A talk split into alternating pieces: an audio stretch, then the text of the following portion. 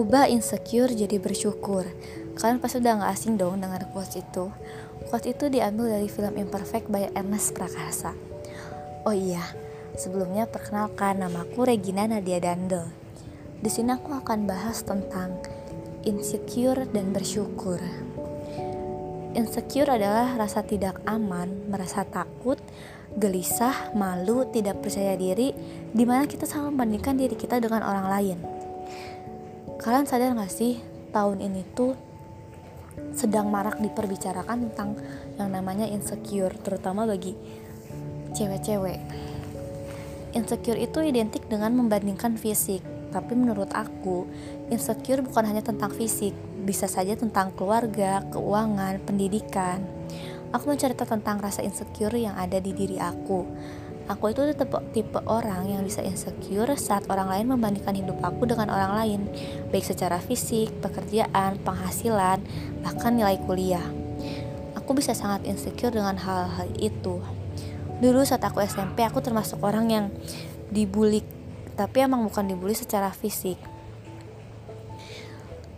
Sebenarnya aku tuh menanggapinya itu sebagai candaan, cuman orang-orang berpikir itu adalah suatu tindak pembulian.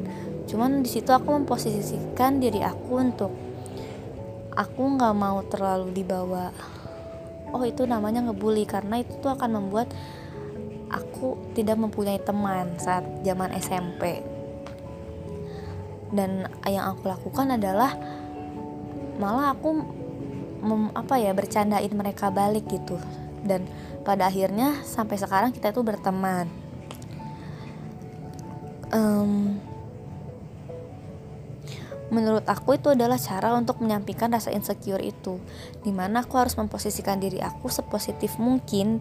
Di saat aku dibully aku berpikir mereka itu yang mau temenan sama aku tapi caranya aja yang berbeda. Yang di mana pada akhirnya kita berteman. Kemudian cara lain untuk menghilangkan rasa insecure itu bersyukur seperti tema kita di podcast kali ini. Bersyukur itu emang sangat mudah kita ucapin, tapi sangat sulit untuk dilakukan. Padahal kalau kita sadar, bersyukur itu sangat simple.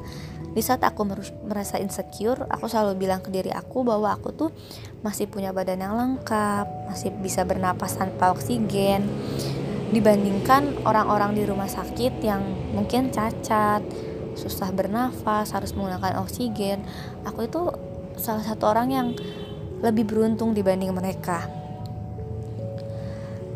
Dan aku berpikir aku diciptakan mempunyai tujuan yang luar biasa di mana aku tuh hidup pasti berguna buat orang lain dengan setiap kelebihan-kelebihan yang aku punya.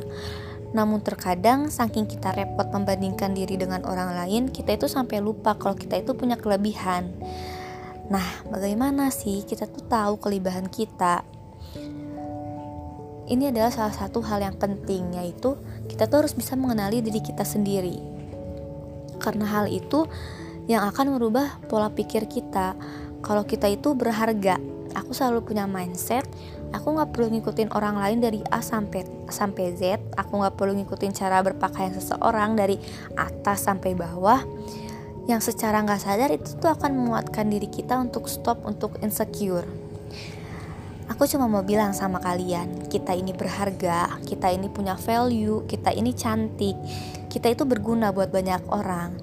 And you are amazing just the way you are. So, ubah insecure jadi bersyukur because you are limited edition. Sekian dan terima kasih.